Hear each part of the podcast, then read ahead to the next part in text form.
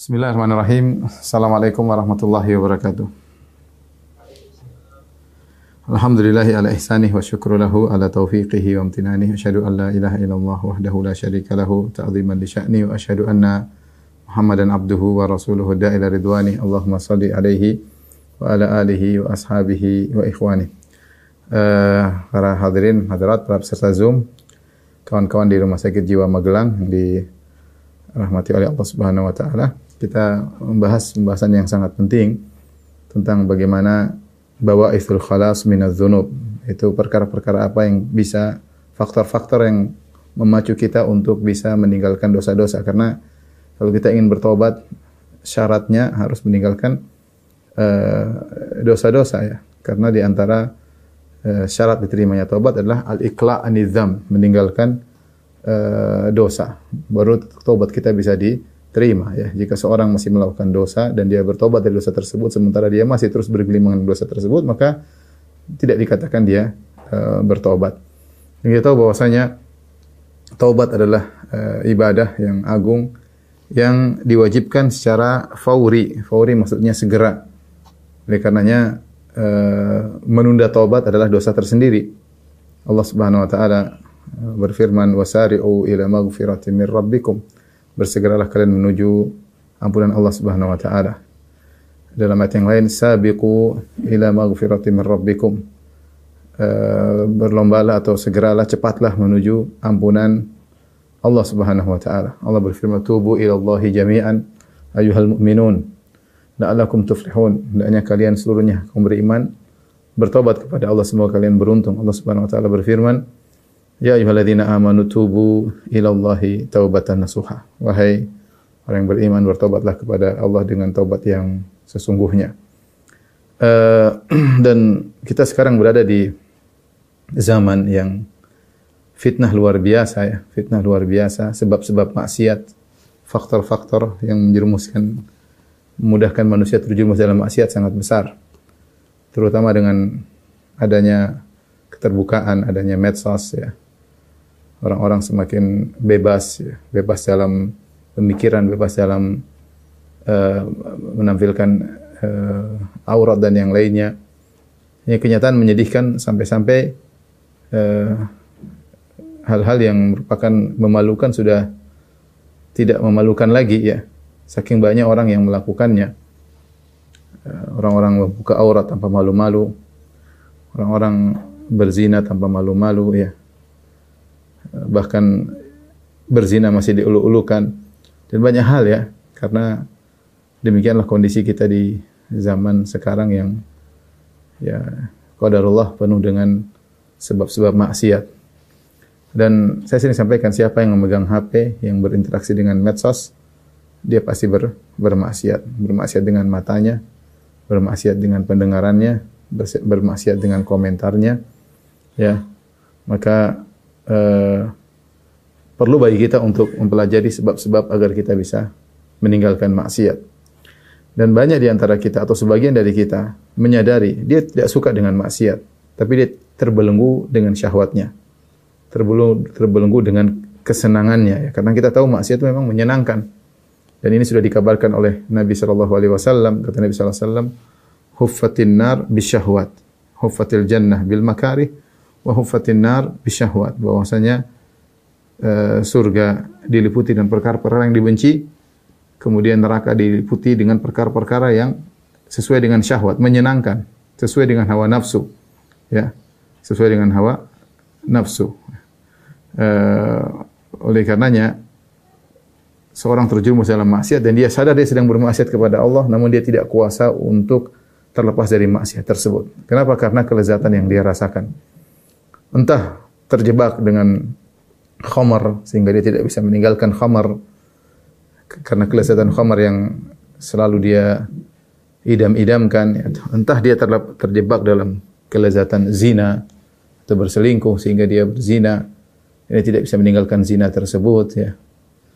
Atau entah dia terjebak dengan hobi melihat hal-hal yang haram, melihat film-film uh, porno misalnya atau melihat gambar-gambar wanita yang cantik misalnya yang dia tahu itu maksiat namun dia tidak bisa melepaskan dirinya dari kebiasaannya. Ya, kenapa? Karena dia tidak kuasa, dia sudah terjerat dan ditawan oleh syahwatnya. Dan banyak hal-hal ya. Bagian juga berkaitan dengan uh, makan uang haram, dia kerja di instansi yang haram atau dia meraih uh, rezekinya dengan cara yang haram. Dia tahu itu haram namun dia tidak bisa meninggalkannya. Kenapa? Karena dia tidak sanggup seandainya dia meninggalkannya, mungkin dia akan hidup susah. Dia tidak kuasa melihat keluarganya hidup susah dan dia pun tidak siap untuk hidup susah sehingga dia terus terjebak dalam maksiat tersebut. Dan kita tahu maksiat banyak bentuknya terlebih lagi di zaman zaman sekarang. Allah Subhanahu wa taala berfirman, "Fa amma man tagha wa athara al-hayata ad-dunya fa innal jahima hiyal ma'wa wa amma man khafa maqama rabbih wa nahan nafsa 'anil hawa fa innal jannata hiyal ma'wa." Adapun orang-orang melampaui batas dan mendahulukan kehidupan dunia, maka sungguhnya neraka adalah tempat kembalinya. Wa amma man khafa maqama rabbih dan orang yang takut dengan keagungan Allah Subhanahu wa taala. Wa nahan nafsa 'anil hawa dan dia menahan jiwa nafsunya ya, ya nafsunya dari hawa nafsu, dia kekang dirinya, jiwanya dari hawa nafsu. Ya, dia lawan hawa nafsunya, fa innal jannata hiyal ma'wa, maka sungguhnya surga adalah tempat kembalinya. Memang untuk bertobat untuk meninggalkan maksiat butuh perjuangan. Butuh perjuangan ya. Karena seorang melawan sesuatu yang digandrunginya, sesuatu yang sesuai dengan seleranya ya, e, maka sulit ya. Ya. Saya pernah didatangi oleh seorang pemuda yang menangis di depan saya tidak mampu dia meninggalkan kebiasaan buruknya.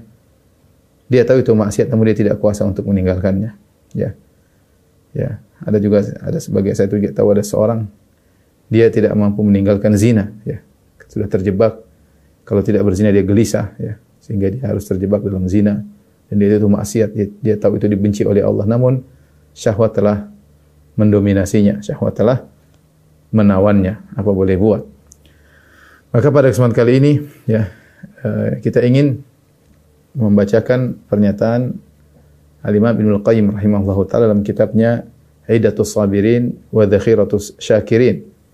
Uh, ada satu poin yang dibawa oleh Al-Imam Ibnu Qayyim rahimahullahu taala tentang sebab-sebab seorang bisa meninggalkan maksiat. Ada sekitar 20 sebab. Mudah-mudahan kita bisa selesai kalau enggak kita akan lanjutkan di kesempatan yang yang lain ya. Karena sebagaimana saya katakan tadi, sebagian kita tahu kita sedang bermaksiat namun tidak kuasa untuk meninggalkannya.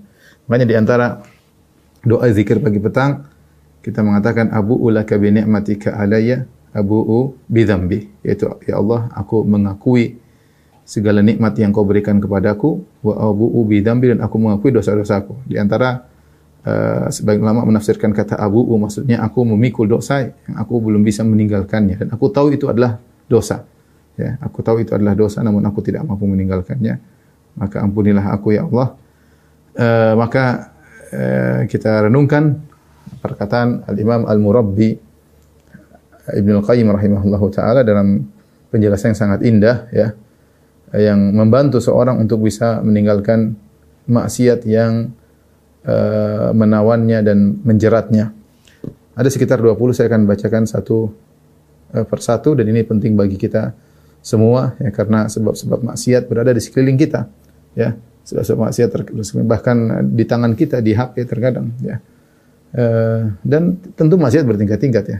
Bertingkat. Ada saya tidak katakan saya katakan dari semua maksiat yang besar sampai maksiat yang kecil. Dari ada yang hobi berzina tidak bisa meninggalkannya, hobi minum khamar tidak bisa meninggalkannya, hobi nonton film porno tidak bisa meninggalkannya, hobi uh, onani tidak bisa meninggalkannya, ada hobi nonton film tidak bisa meninggalkannya, dan banyak hal. Yang semua itu maksiat. Hobi nonton sinetron tidak bisa meninggalkannya. Itu semua maksiat. Yang tidak lain eh, menunjukkan bahwasanya sang pelaku sedang dikuasai oleh hawa nafsunya. Taib kita bacakan ikhwan dan akhwat yang dirahmati Allah Subhanahu wa taala. Para rekan-rekan, para tenaga medis di Rumah Sakit Jiwa Magelang ya. Uh, qala al-Imam Ibnu Qayyim rahimahullahu taala berkata Imam Ibnu Qayyim rahimahullahu taala wa amma taqwiyatu ba'ithid din fa innahu yakunu bi umur. Adapun uh, faktor agama yang bisa membantu seorang untuk meninggalkan maksiat maka bisa dilakukan dengan perkara-perkara berikut ya. menguatkan faktor agama untuk bisa meninggalkan kemaksiatan adalah melalui perkara-perkara berikut. Yang pertama, ahaduha ijlalullah tabaraka wa ta'ala an yu'sa wa huwa yara wa yasma' wa man qama biqalbihi mashhadu ijlalihi lam yutawihu qalbuhu lidzalika albattah. Yang pertama adalah pengagungan terhadap Allah Subhanahu wa taala. Ya. Allah agung untuk dimaksiati, jangan dimaksiati. Sementara Allah mendengar dan Allah melihat. Ya, barang siapa dalam hatinya hadir pengagungan terhadap Allah Subhanahu wa taala, ya maka hatinya tidak akan tunduk kepada hawa nafsunya sama sekali. Ya. Ini menunjukkan bahwasanya salah satu hal yang membuat kita untuk bisa meninggalkan maksiat adalah mengagungkan Allah Subhanahu wa taala. Dan ini tidak mungkin bisa kita lakukan kecuali kita pelajari asma dan sifat-sifat Allah. Bahwasanya Allah Maha melihat, Allah Maha mendengar, bahwasanya Allah Maha agung. Ya, makanya Allah berfirman, "Wa qadarullaha haqqa qadrih wal ardu jami'an qabdatuhu yaumal qiyamah was samawati matwiyatun bi yaminih." Mereka tidak mengagungkan Allah sebagaimana mestinya.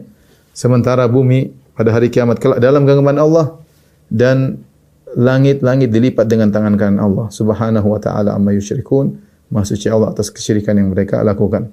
Allah juga berfirman tentang perkataan Nabi Nuh alaihissalam, "Ma lakum la tarjuna lillahi waqara wa qad khalaqakum atwara." Kenapa kalian tidak mengagungkan Allah Subhanahu wa taala? Padahal Allah telah menciptakan kalian dengan tahapan-tahapan. Tidak ada yang bisa menciptakan dengan tahapan-tahapan yang kita lihat dengan mata kepala kita kecuali Rabbul Alamin, ya. Dokter tahu bagaimana tahapan manusia dari nutfah, kemudian air mani, kemudian berubah, berubah, berubah sampai kemudian eh, daging dan kemudian menjadi anak, kemudian dilahirkan dari dilahirkan dari kecil, dari tidak bisa apa-apa, kemudian merangkak sampai berdiri sampai besar sampai kemudian uh, kokoh dan kuat kemudian menjadi tua kemudian saya meninggal dunia. Siapa yang bisa menciptakan seperti ini adalah Allah Subhanahu wa taala. Sama kita lihat uh, Allah menciptakan hewan juga demikian, pohon juga demikian.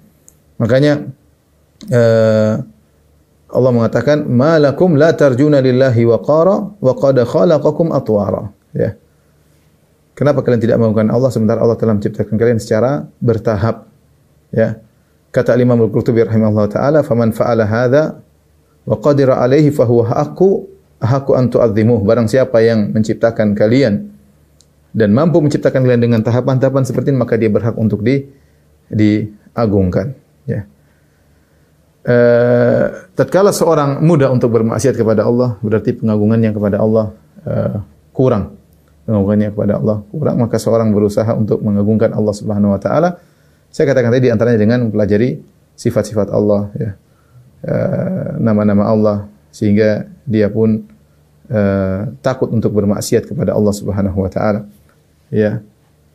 Uh, oleh karenanya, lihatlah bagaimana Jubair bin Mut'im ya radhiyallahu taala anhu apa sebab dia masuk Islam sebab dia masuk Islam ketika dia mendengar suatu ayat dibaca oleh Nabi sallallahu alaihi wasallam dalam salat maghrib dalam salat tur dalam surat At-Tur ayat tersebut Allah berfirman am khuliqu min ghairi syai'in am humul khaliqun am samawati wal arda bal la yuqinun ketika dia sedang datang ke kota Madinah dia mendengar Nabi dia masih kafir dia mendengar Nabi baca dalam salat maghrib surat At-Tur yang artinya am khuliqu min ghairi syai'in apakah mereka tercipta tanpa ada yang menciptakannya Am humul khaliqun? Apakah mereka menciptakan diri mereka sendiri?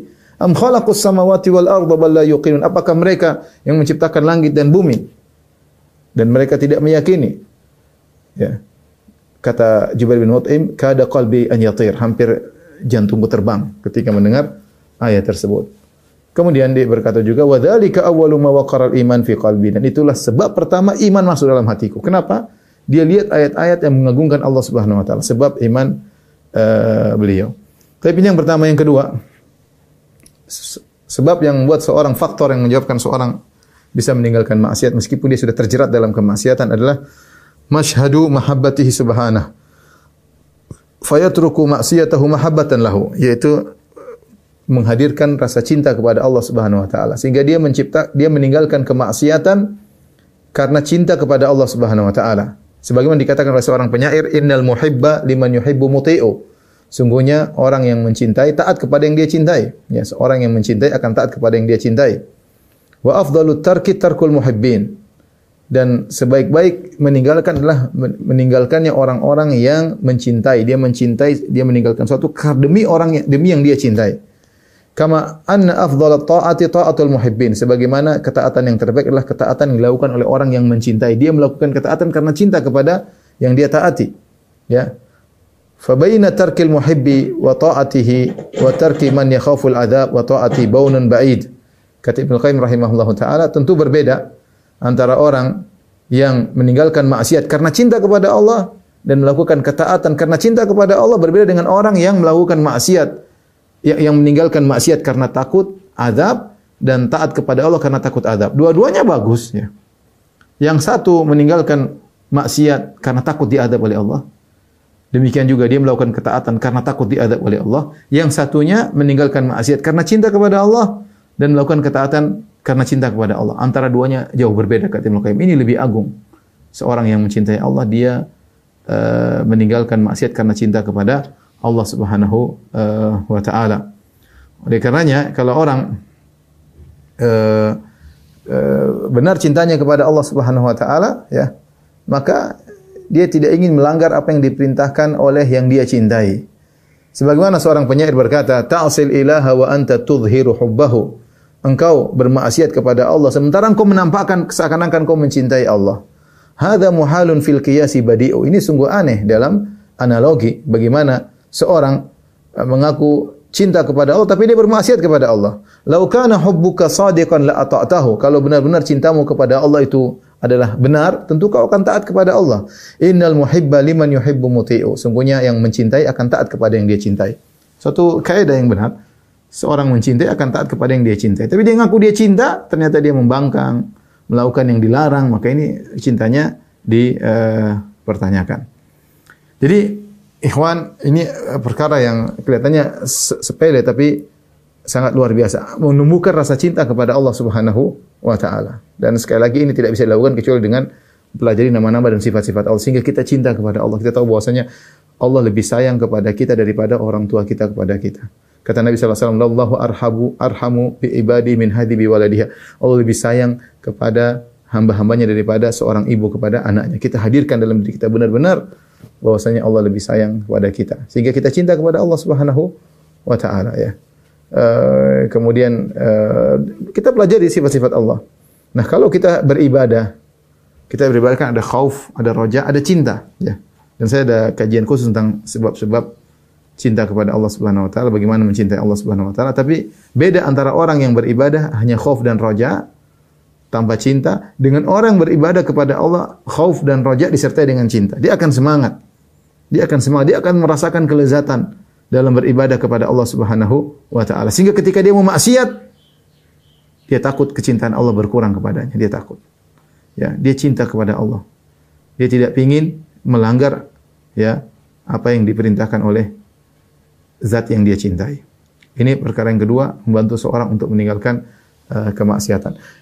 Perkara yang ketiga kata Ibnu Qayyim, "Ats-tsalitsu masyhadun ni'mati wal ihsan fa innal karim la yu'amilu bil isaah man ahsana ilaihi yaitu menghadirkan nikmat dan kebaikan yang Allah berikan kepada kepada kita ya sungguhnya orang yang baik orang yang tahu diri yang baik tidak mungkin berbuat buruk kepada orang yang berbuat baik kepadanya ya kalau orang baik sama kita sering bantu kita masa kita balas dengan keburukan wa inna ma yaf'alu hadza li amun nas yang melakukan begini orang-orang yang buruk membalas kebaikan dengan keburukan tuh orang yang sangat buruk membalas air air susu dengan air tuba ya Ya, ya ini tentunya adalah perkara yang yang yang, yang buruk. Madu dibalas dengan racun ya. Seharusnya kalau ada orang berbuat baik sama kita, kita membalas dengan kebaikan.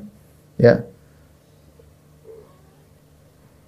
Fala yamna'hu mashhadu ihsanillah falyamna'hu mashhadu ihsanillah wa nikmatihi an ma'siyatihi hayaan minhu. Hendaknya seorang ketika mengingat anugerah yang Allah berikan kepada dia, nikmat yang Allah berikan kepada dia, hendaknya dia meninggalkan maksiat karena malu kepada Allah Subhanahu wa taala. An yakuna khairullah wa inamuhu nazilan ilaihi. Dia malu. Dia bermaksiat sementara kebaikan Allah berikan kepada dia, nikmat Allah, turunkan kepadanya, ya. Wa mukhalafatuhu wa ma'asihi wa qabaihu sa'idatan ila rabbih. Kenikmatan turun kepada dia sementara maksiat naik kepada Allah Subhanahu wa taala. Yang dilaporkan kepada Allah bukanlah Salat bukanlah zikir tapi nonton film, lihat ini, dengar ini, dengar musik, joget-joget dan yang lainnya. Ghibah namimah, ya. Durhaka kepada orang tua, menzalimi istri, menzalimi anak-anak, menzalimi tetangga dan yang lainnya. Hendaknya dia malu kepada Allah. Allah berikan dia banyak kenikmatan turun dari Allah kepada dia sementara amalan buruk yang naik kepada Allah Subhanahu wa taala. Famalakun yanzilu bihadza wa malakun ya'ruju bihadza fa'aqbih biha min muqabalatin. Bayangkan malaikat turun bawa rahmat kepada dia sementara malaikat laporkan kepada Allah tentang keburukan yang lakukan, maka sungguh buruk orang yang membalas kebaikan Allah dengan kemaksiatan.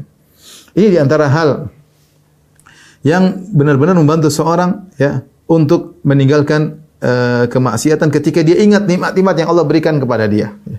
Makanya di antara tafsiran uh, dari ayat dalam surat Yusuf ya, ketika Nabi Yusuf digoda oleh Zulekha dengan godaan yang sangat luar biasa, kecantikan yang luar biasa, tertutup dalam suatu kamar, tidak ada yang melihat. Sementara Zulekha sudah berhias dengan uh, secantik-cantiknya, ya. Sementara uh, syahwat Zulekha sudah bergelora dan Nabi Yusuf masih muda. Di antara hal yang buat Nabi Yusuf tidak ikut dengan rayuan Zulekha adalah dia ingat nikmat Allah Subhanahu wa taala. Dia mengatakan innahu rabbi ahsana maswaya. Innahu rabbi sungguhnya Robku. Robku di sini ada dua tafsiran. Dia mengatakan majikanku yaitu suami majikan laki-lakiku dan ada tafsiran yang mengatakan Robku maksudnya adalah Allah Subhanahu wa taala. Innahu rabbi ahsana mathwaya. Sungguhnya Robku telah berbuat baik kepadaku. Bagaimana aku bermaksiat kepada Allah dengan mengikuti syahwat wahai Zulekha? Sementara Allah Allah telah berikan aku banyak kenikmatan. Ini hal yang ya akhi, tatkala kita berdoa kita ingat-ingat ya Allah Allah sudah berikan saya Allah tutup aib saya, Allah Subhanahu wa taala berikan saya rezeki, Allah berikan saya rumah, Allah berikan saya istri, Allah berikan saya anak. Allah berikan saya pekerjaan, banyak orang susah. Kemudian saya balas kebaikan Allah dengan maksiat. Dengan niat yang tidak-tidak, dengan dengar yang tidak-tidak. Ya. Dengan korupsi, dengan mengambil harta orang, dengan minum khamar, dengan berzina dan yang lainnya. Ya. Apa kita tidak malu kepada Allah subhanahu wa ta'ala? Makanya di antara hal yang membantu seorang berhenti dari maksiat, ingat nikmat-nikmat yang Allah berikan kepada kita. Kamu enggak malu. Allah berikan kau kenikmatan. Ketika kau bersendirian, kau bermaksiat kepada Allah. Sementara nikmat terus turun. Kau sedang bermaksiat Allah turunkan nikmat kepada engkau. Kau tidak malu. Lihatlah Nabi Yusuf alaihissalam. Dia berhenti tidak berhenti. Innahu rabbi ahsana mathwaya. Kata dia Allah berbuat baik kepadaku. Bagaimana saya bermaksiat? Allah buat saya beriman. Allah membuat saya bisa menafsirkan mimpi. Allah menyelamatkan saya dan banyak kenikmatan yang diingat sehingga dia tidak bermaksiat kepada Allah. Ini di antara hal yang membantu seorang untuk meninggalkan maksiat. Ingat, malu kepada Allah atas nikmat-nikmat yang Allah berikan kepada kepada kita. Kita lah masing-masing kita renungkan tentang nikmat yang Allah berikan kepada kita. Wa in ta'uddu ni'matallahi la tuhsuha. Ya. Uh, kalau engkau menghitung-hitung nikmat Allah, kau tidak bisa menghitung-hitungnya. Kau suruh orang satu dunia, suruh hitung nikmat yang ada dirimu, mereka tidak bakalan mampu. Terlalu banyak nikmat yang Allah berikan kepada kepada kita. Nikmat zahir, nikmat batin. Wa asbagu alaikum ni'amahu zahirah wa batinah Allah menyempurnakan nikmatnya kepada kalian yang zahir maupun batin. Alhamdulillah. Maka jika seorang yang bermaksiat, pikir-pikir dulu, renungkan dulu. Ya. Pantaskah kita membalas air susu dengan air tuba, membalas madu dengan racun? Kalau Allah cabut kenikmatan tersebut, Allah berhak ya. Taib. Uh, yang keempat, kata Ibnu Qayyim rahimahullah taala, ar-rabi' masyhadul ghadab wal intiqam. Fa inna Rabb ta'ala idza tamada al-'abdu fi ma'siyatihi ghadib wa idza ghadiba lam yakum li ghadabihi syai' fadlan an hadzal 'abdi dhaif. Kata Imam Al-Qayyim rahimahullah taala itu menghadirkan bagaimana kemarahan Allah dan kemurkaan Allah, bagaimana Allah menyiksa, azab Allah. Sungguhnya Allah Subhanahu wa taala jika seorang hamba terus-menerus ngeyel dalam maksiat, Allah akan murka kepadanya. Allah akan kalau kamu tidak punya malu untuk mengingat kenikmatan Allah, lanjutkan pada berikutnya. Hati-hati Tuhanmu bisa murka. Kalau kau terus menerus dalam maksiat. Ya, makanya kalau ada orang kebongkar melakukan kemaksiatan, itu bukan berarti bukan pertama kali melakukan kemaksiatan. Biasanya kata para sudah berulang-ulang. Allah tutup, Allah biarkan dia lakukan lagi. Allah tutup, dia biarkan, dia ulangi lagi. Dia korupsi, dia nggak ketahuan. Dia korupsi nggak ketahuan. Akhirnya ketahuan. Dia berzina nggak ada yang tahu. Dia yang berzina nggak ada yang tahu. Berzina akhirnya kebongkar. Ya bu bukan pertama kali. Ada orang meninggal dalam kondisi suul khatimah lagi main judi kemudian meninggal. Bukan pertama kali main judi itu sudah mungkin dia berulang-ulang seperti ada uh, kawan yang cerita tetangganya meninggal lagi pegang kartu kemudian meninggal. Kaku dalam kondisi kaku meninggal. Ada yang meninggal uh, dan banyak kejadian meninggal di atas perut wanita sedang berzina. Di berita juga ada. Itu bukan pertama kali dia lakukan. Allah kasih kesempatan dia terus lagi. Ada saatnya Allah murka kepada dia. Ya ghadab. Allah murka kepada dia Ya, karena dia maksiat tidak berhenti-berhenti. Kata Ibnu Qayyim, "Wa idza ghadiba lam yakum li ghadabi syai." Kalau Allah sudah murka, tidak ada yang bisa menahan kemurkaannya. Fadlan, satu dunia suruh melawan tidak bisa. Ya, satu dunia berkumpul untuk menghadapi siksaan Allah, teguran Allah nggak ada yang mampu. Apalagi hamba yang dhaif. Kita ini lemah. Ini lemah, sangat lemah, tidak bisa berkutik apa-apa, dikasih sedikit penyakit nggak bisa apa-apa. Allah eh, sentil otak kita, saraf kita dicabut sedikit, masuk ke rumah sakit jiwa Magelang. Kita nggak nggak bisa apa-apa kita ini. Bangga dengan ini maksiat. Ada saatnya kalau Allah murka, maka ber, bertobat, terus bertobat. Kalau Anda belum bisa meninggalkan, terus bertobat, bertobat, istighfar, yang berhenti berhenti. Ya, ya. Tidak ada yang mampu melawan kemurkaan Allah, apalagi seorang hamba yang sangat yang sangat lemah. Ya. Taib, yang berikutnya, ya, ini ada 20 makanya saya agak cepat-cepat ya. Al-khamis kata Ibnu Qayyim rahimahullah taala, perkara yang kelima yang bantu seorang untuk meninggalkan maksiat, masyhadul fawat. Itu maknanya adalah menghadirkan tentang uh, perkara yang terluputkan, terluput atau yang hilang dari kita, kenikmatan yang hilang. Ini mengenai kenikmatan yang hilang. Wa huwa ma bil ma'asiyah min khairi dunya wal akhirah. Maksudnya adalah kenikmatan-kenikmatan dan kebaikan yang terluput darinya gara-gara maksiat. Baik kenikmatan dunia maupun kenikmatan akhirat.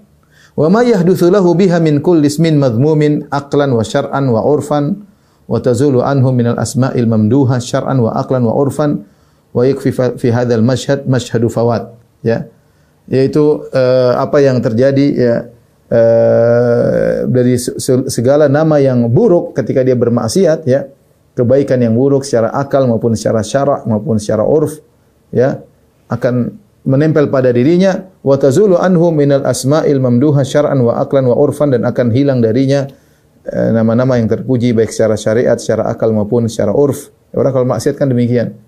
Ya, melakukan maksiat maka tercela uh, pujian yang indah akan dicabut darinya ya. Dan cukup untuk menghadirkan hal ini masyhadu fawatil iman alladhi adana mithqalu dzarratin minhu khairun minad dunya wa fiha adhafan mudha'afah Cukup kita menunjukkan hal ini bahwasanya kalau kita bermaksiat, iman yang terendah yang kita miliki akan hilang. Iman terendah yang kita miliki akan hilang. Padahal iman yang sedikit tersebut, ya, adalah lebih baik daripada dunia dan seisinya. Lebih baik berlipat-lipat. Bukankah Nabi SAW contoh mengatakan, uh, Rakatul fajri khairi minad dunya wa fiha. Dua rakaat yang dilakukan sebelum subuh lebih baik pada dunia dan seisinya. Benar, dua rakaat kita kerjakan berapa menit sih? Berapa menit? Cuma tiga menit mungkin. Apalagi disunahkan kita kerjakan dengan singkat, dengan dua menit selesai. Disunahkan cepat memang, bukan dilama-lamain. Kita ngerjakan dua rakaat sebelum subuh dua menit misalnya. Ini kata Nabi lebih baik dari dunia seisinya. Kenapa? Karena pahalanya abadi dan sempurna. Lebih baik daripada kalau kita jadi raja dunia. Seluruh eh, presiden di dunia, seluruh raja ditunduk pada kita. Masih lebih baik pahala dua rakaat dua sebelum sebelum subuh.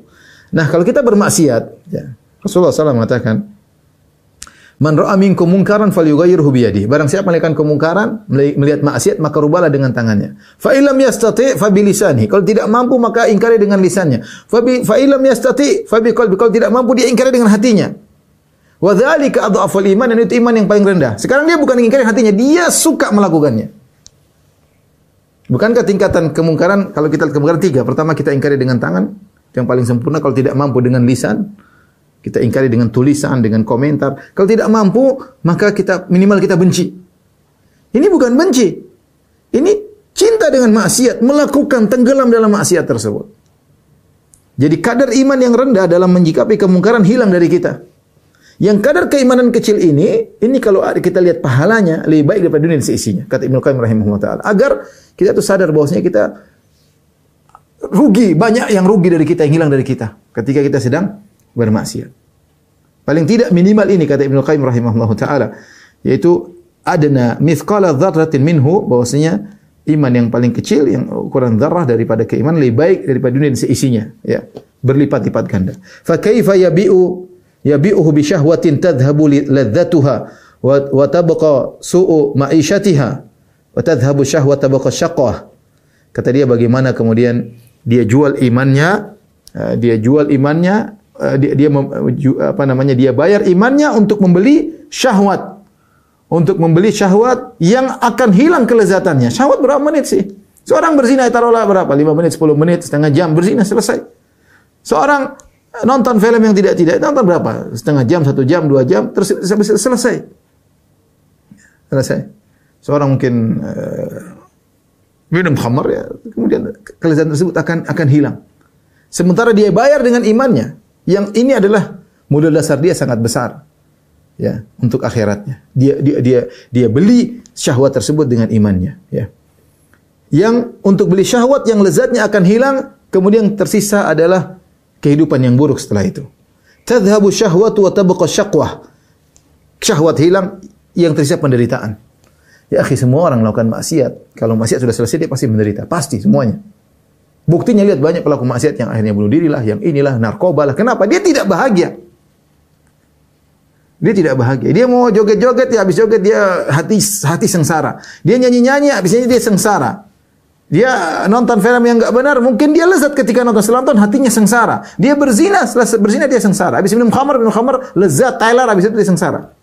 Dia tidak bisa menipu dirinya. Makanya lihat para pelaku maksiat, mereka bergelimang dengan ini, mereka bunuh diri, banyak di antara mereka.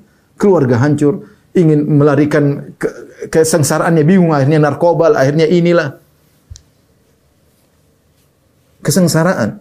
Kelezatannya ada, kita tidak kita tidak memungkiri maksiat itu lezat. Masih lezat, makanya orang maksiat senang. Ya, tapi setelah itu Sementara dia beli maksiat yang seperti itu, yang kelezatan sebentar itu, dia beli dengan imannya. Seandainya dia beli dengan duit saja nggak ada masalah. Tinggal duit banyak dia beli, enggak. Dia beli keluarkan duit, biaya dan imannya dia gadekan untuk beli maksiat tersebut.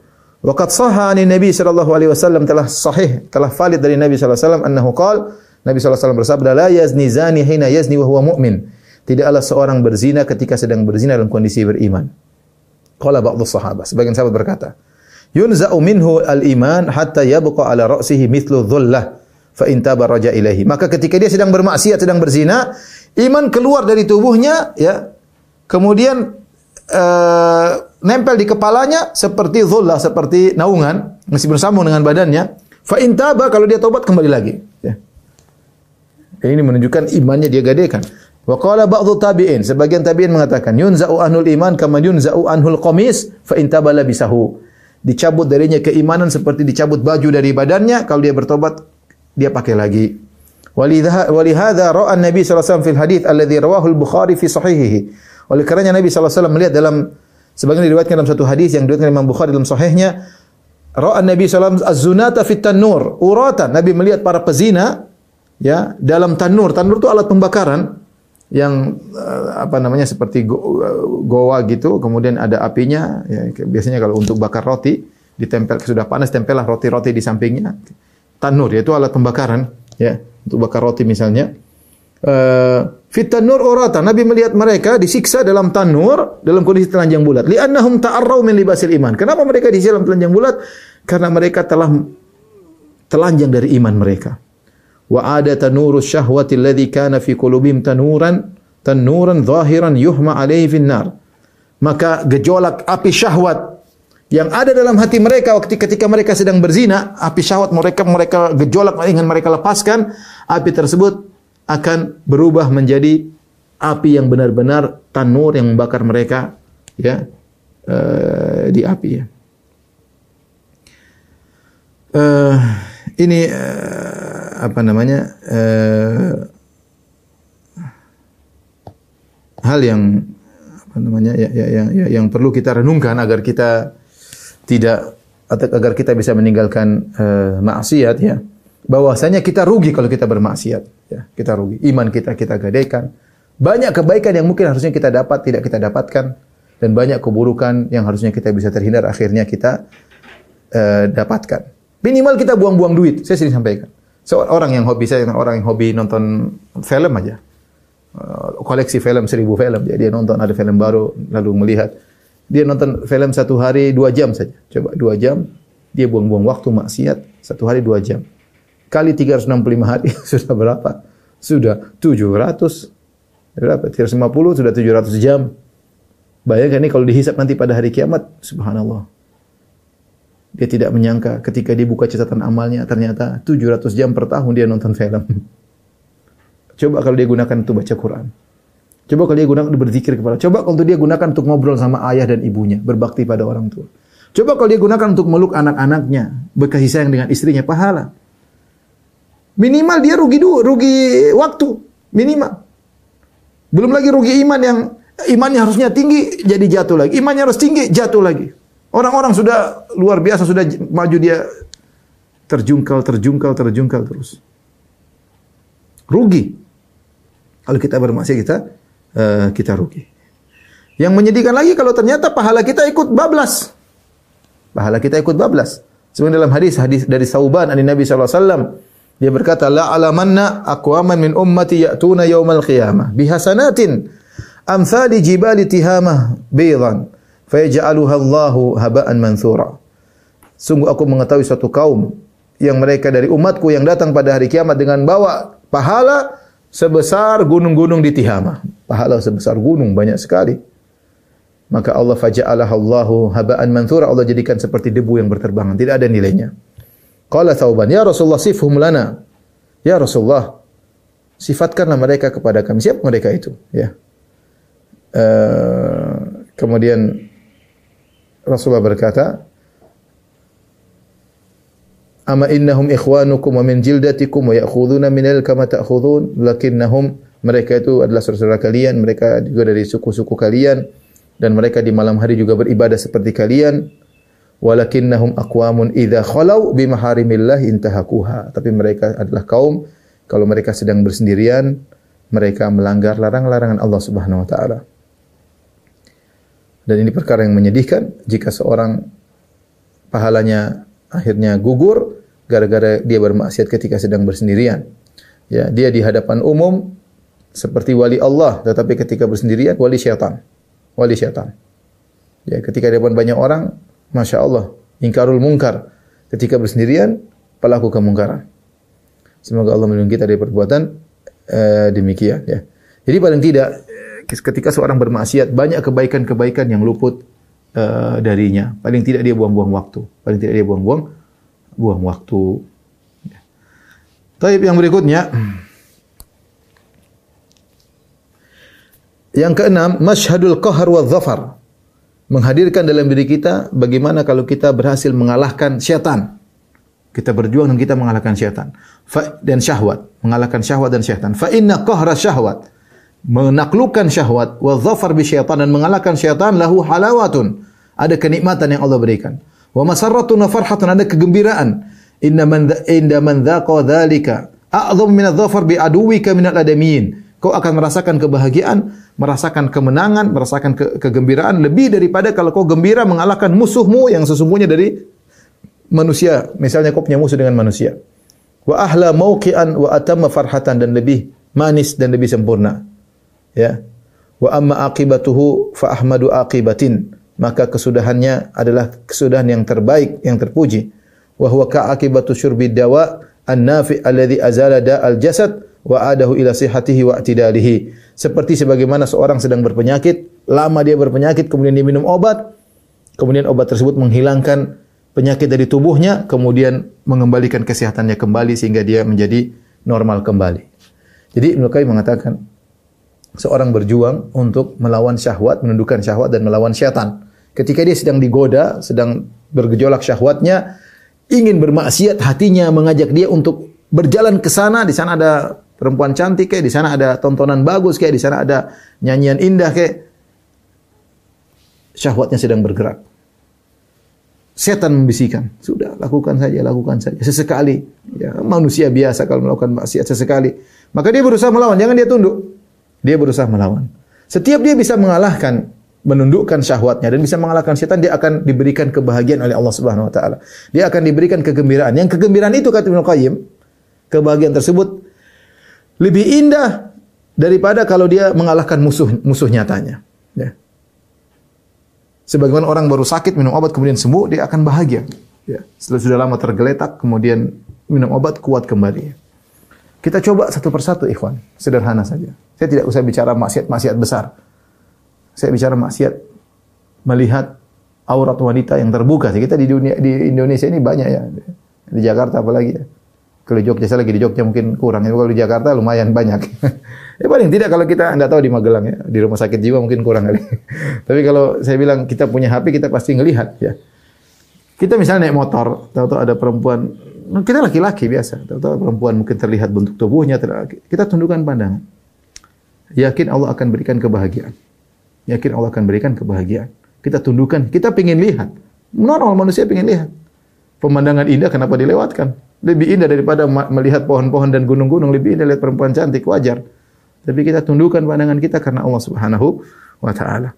Makanya kata Ibnu Qayyim rahimahullah taala uh, dalam surat An-Nur ketika Allah sebutkan tentang Kullil mu'minina yaghuddu min absarihim wa yahfadhu furujahum dzalika azka lahum.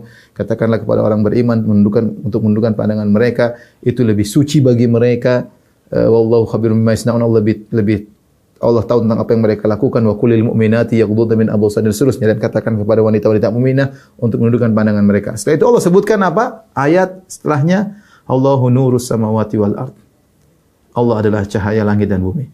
Ya. Kata Ibnu Qayyim maksudnya apa? Orang yang menundukkan pandangan Allah berikan cahaya keimanan dalam hatinya. Dia akan bahagia.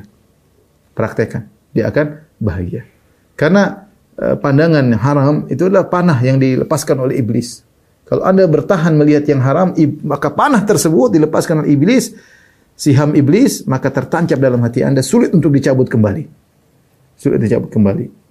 Jiwa sudah ternoda, hati sudah ternoda. Oh, jadi hobi. Hobi. Ya.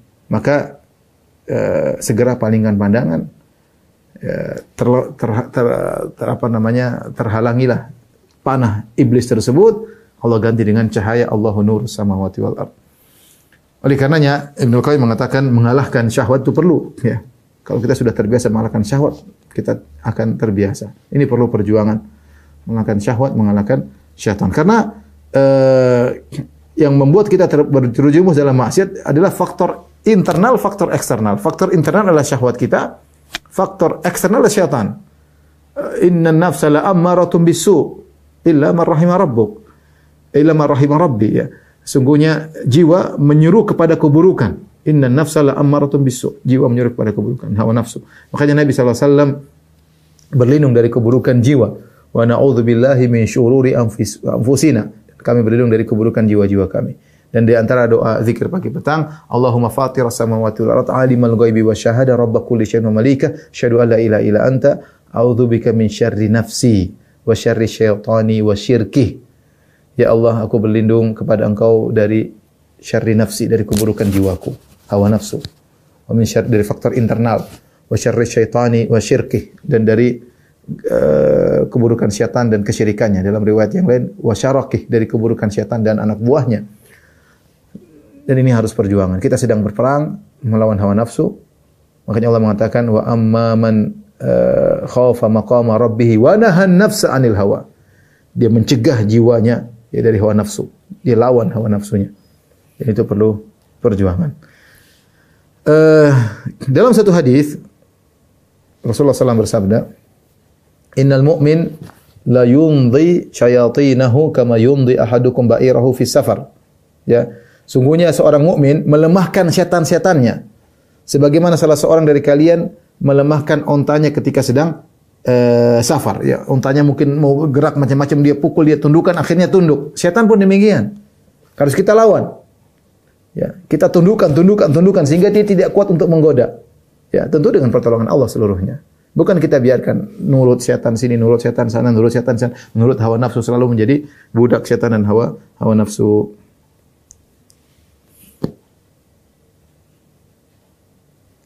Baik, kita lanjutkan yang yang ketujuh.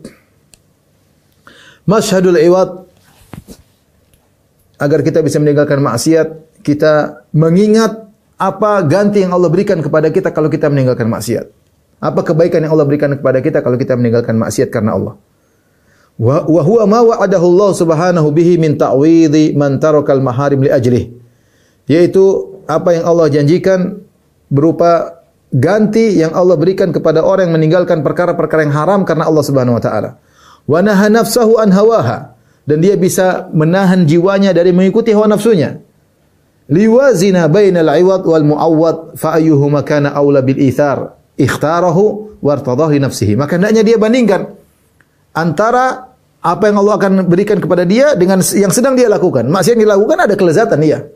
Ada kelezatan. Tapi kalau dia tinggalkan Allah akan berikan ganti yang lebih baik. Hendaknya dia bandingkan. Dan jiwa tentunya memilih yang terbaik yaitu memilih ya uh, ganti yang Allah berikan ya. Dan dia suka untuk dirinya ganti ganti tersebut ya. Ya ini berdasarkan dalam hadis kata Nabi sallallahu alaihi wasallam Innaka lan tada'a syai'an ittiqa Allah illa a'taka Allahu khairan minhu. Sungguhnya tidaklah kau meninggalkan suatu karena bertakwa kepada Allah kecuali Allah akan berikan kepada engkau yang lebih baik darinya, ya. Lebih baik dari darinya. Maka seorang berusaha ya untuk meninggalkan maksiat karena Allah. Saya ingatkan ini penting. Karena sebagian orang berhijrah bukan karena Allah, hijrah ibadah, meninggalkan eh, wal muhajir man hajara uh, apa namanya orang yang berhijrah adalah yang meninggalkan mana Allahu anhu yang meninggalkan apa yang Allah larang.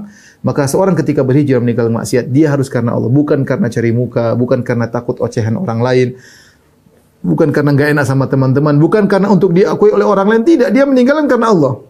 Makanya dikatakan man taraka syai'an lillah, barang siapa meninggalkan sesuatu karena Allah.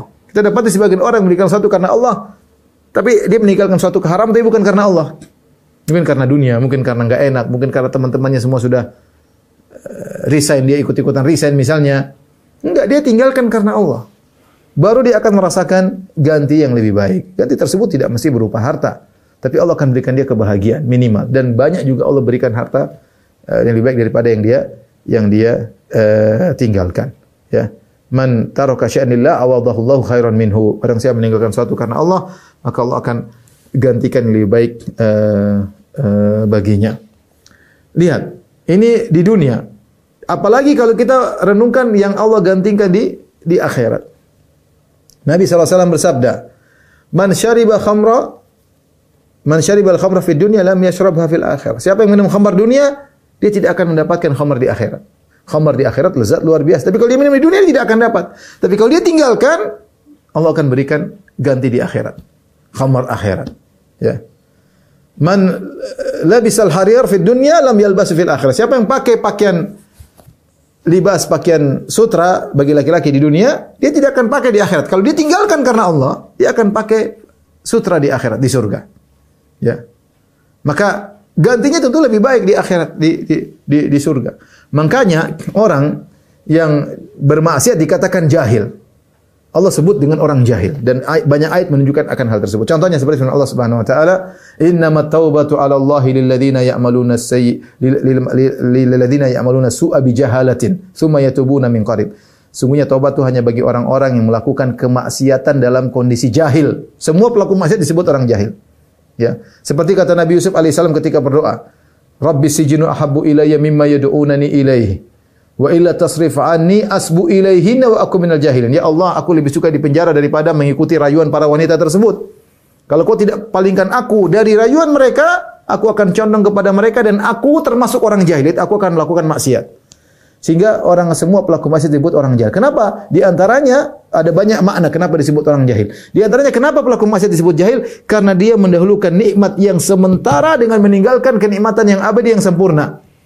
Dia mendahulukan syahwat yang sebentar, kemudian dia mengorbankan nikmat yang abadi di akhirat yang sempurna. Itu orang bodoh seperti ini. Suruh pilih sepuluh ribu, eh, misalnya seribu rupiah dengan satu triliun pilih mana? Ya pilih satu triliun. Orang hanya ambil satu seribu untuk bisa beli teh manis setengah gelas karena teh manis satu gelas dua ribu setengah gelas seribu dia minum teh sebentar sebentar dia tinggal satu triliun orang bodoh makanya setiap pelaku maksiat orang bodoh Kenapa? Setiap dia melakukan maksiat, ada nikmat surga yang luput dari dia. Perhatikan. Setiap dia melakukan maksiat, ada nikmat surga yang luput dari dia. Belum nikmat dunia. Nikmat dunia ada juga. Nikmat surga ada yang luput dari dia. Maka seorang memikirkan, kalau dia meninggalkan, ada gantinya. Pasti ada gantinya. Dan gantinya itu lebih jauh lebih agung mulia daripada daripada yang dia lakukan. Lihat betapa, lihat betapa banyak orang. Kenapa kita dapati sebagian orang meninggalkan dunia uh, glamor, dia dia merasa ada kebahagiaan. Itu Allah baru sudah di dunia sudah diberikan kepada dia. Ada orang dengan happy-happynya mungkin penyanyi terkenal, orang semua puji-puji dia, tapi ternyata dia tinggalkan musik semuanya, dia milih untuk ngaji, untuk hijrah. Tanya sama dia, kenapa? Ada kebahagiaan dia rasakan. Ada kesengsaraan ketika dia di tengah-tengah sedang terkenal, ada kesengsaraan yang dirasakan.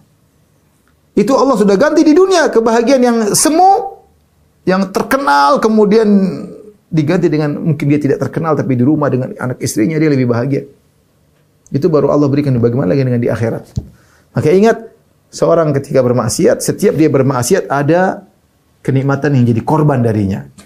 Di dunia apalagi di di akhirat.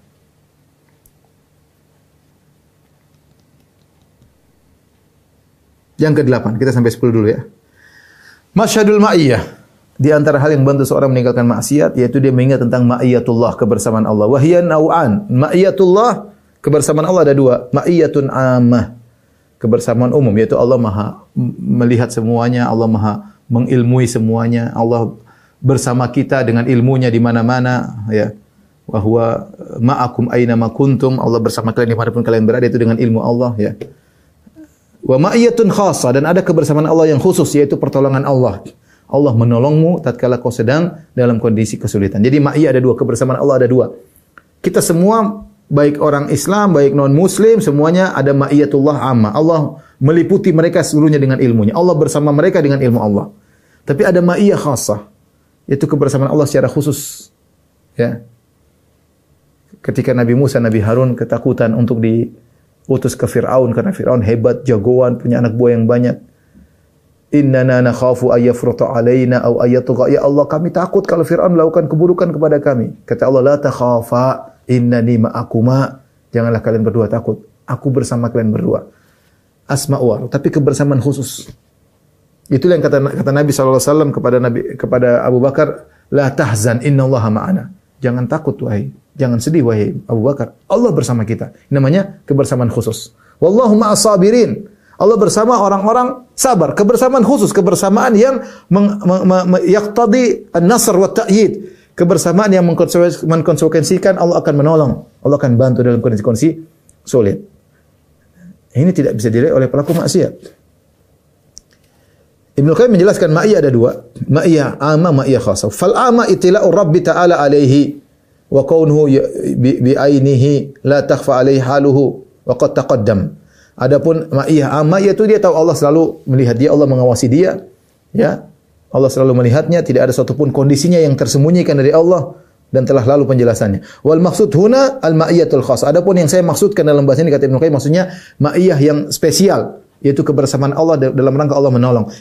Kakaulihi seperti firman Allah, "Innallaha ma'as sabirin." Allah bersama orang yang sabar. Wa qawli innallaha ma'al ladzina taqaw wal hum muhsinun. Allah sungguhnya bersama orang-orang yang bertakwa dan orang-orang yang ihsan. Wa qawlihi wa innallaha lama'al muhsinin. Sungguh Allah Allah bersama orang yang berbuat ihsan. Fahadhil ma'iyatul khassah khairun lahu wa anfa'uhu anfa'u fi dunyahu wa akhiratihi. Dan ini kebersamaan khusus dari Allah lebih baik bagi dia, lebih bermanfaat bagi dia di dunia maupun di akhiratnya. Min qada'i wa tarihi daripada dia menyalurkan hawa nafsunya, dia, dia, dia apa namanya menghamburkan hawa nafsunya yang haram wa naili syahwati ala tamam ya. Meskipun dia melampiaskan syahwatnya lebih baik kebersamaan Allah daripada melampiaskan syahwatnya.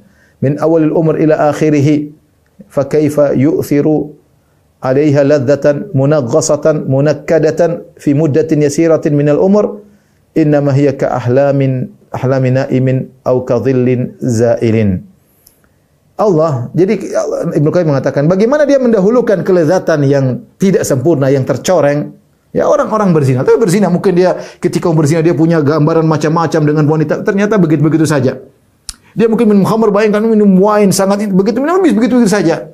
Dia mungkin nonton uh, film porno bayangkannya akan ternyata begitu-begitu saja. Lama-lama bosan juga macam-macam. Orang maksiat seperti itu. Dia mungkin mendengar musik kayaknya ternyata ya begitu-begitu saja bosan nggak enak, kurang enak, ganti lagi lagu, ganti lagi lagu, ganti lagi lagu, nonton film, ganti lagi film, ganti film. Ya, berzina, ganti perempuan ini kurang cocok, cari berfantasi cari perempuan tidak sempurna. Kelezatan tersebut tidak sempurna. Ya. Lihat bagaimana orang-orang barat bagaimana mereka pledge apa namanya kelainan seksual begitu banyak. Kenapa? Karena mereka tidak menemukan apa yang mereka cari dan tidak akan mereka bisa dapatkan. Sampai kita dengar bagaimana dengan hewan lah, dengan apalah macam-macam orang-orang barat sana ya. Ya. Dan itu kenikmatan kelezatan cuma sebentar. Bagaimana kemudian dia melakukan hal tersebut sehingga dia meninggalkan seharusnya Allah bersama dia, seharusnya Allah menolong dia dari awal umur dia sampai akhir dia. Allah menjaga dia agar dia bisa husnul khatimah, ma'iyah khassah. Kemudian dia mendahulukan kemaksiatan sebentar ini sehingga ma'iyah khosa Allah hilang darinya. Seharusnya Allah bersama dia. Saat-saat genting Allah akan tolong dia. Tapi dia selalu bermaksiat, selalu bermaksiat, selalu bermaksiat. Allah meninggalkannya. Selesai. Maka apakah orang yang cerdas mau mendahulukan kenikmatan yang tidak sempurna, yang penuh dengan kekurangan, yang cuma sebentar, kemudian yang dia cuma eh, satu jam, dua jam, lima menit, sepuluh menit, dia dahulukan daripada penjagaan Allah seumur hidupnya. Ma'iyah khasa ketika dia bertakwa kepada Allah. Tentunya dia pilih ma'iyah khasa. Oke, ikhwan, jangan sampai kita seperti itu. Kita bermaksud akhirnya kita ditinggal oleh Allah Subhanahu wa taala. Sehingga banyak kejadian-kejadian kita terpuruk. Dalam kondisi-kondisi genting kita terjungkal, tidak ada yang tolong kita. Manusia nggak ada yang tolong, Allah tidak ada yang tolong. Allah tidak tolong. Ada orang dalam kondisi genting, manusia tidak tolong dia, Allah tolong dia. Banyak orang seperti itu. Ketika dia bertakwa kepada Allah Subhanahu wa taala. Taib uh, rekan-rekan sekalian uh, waktu sudah sampai pada puncaknya sudah cukup saya mohon maaf uh, insyaallah masih ada 12 mudah-mudahan kita lanjut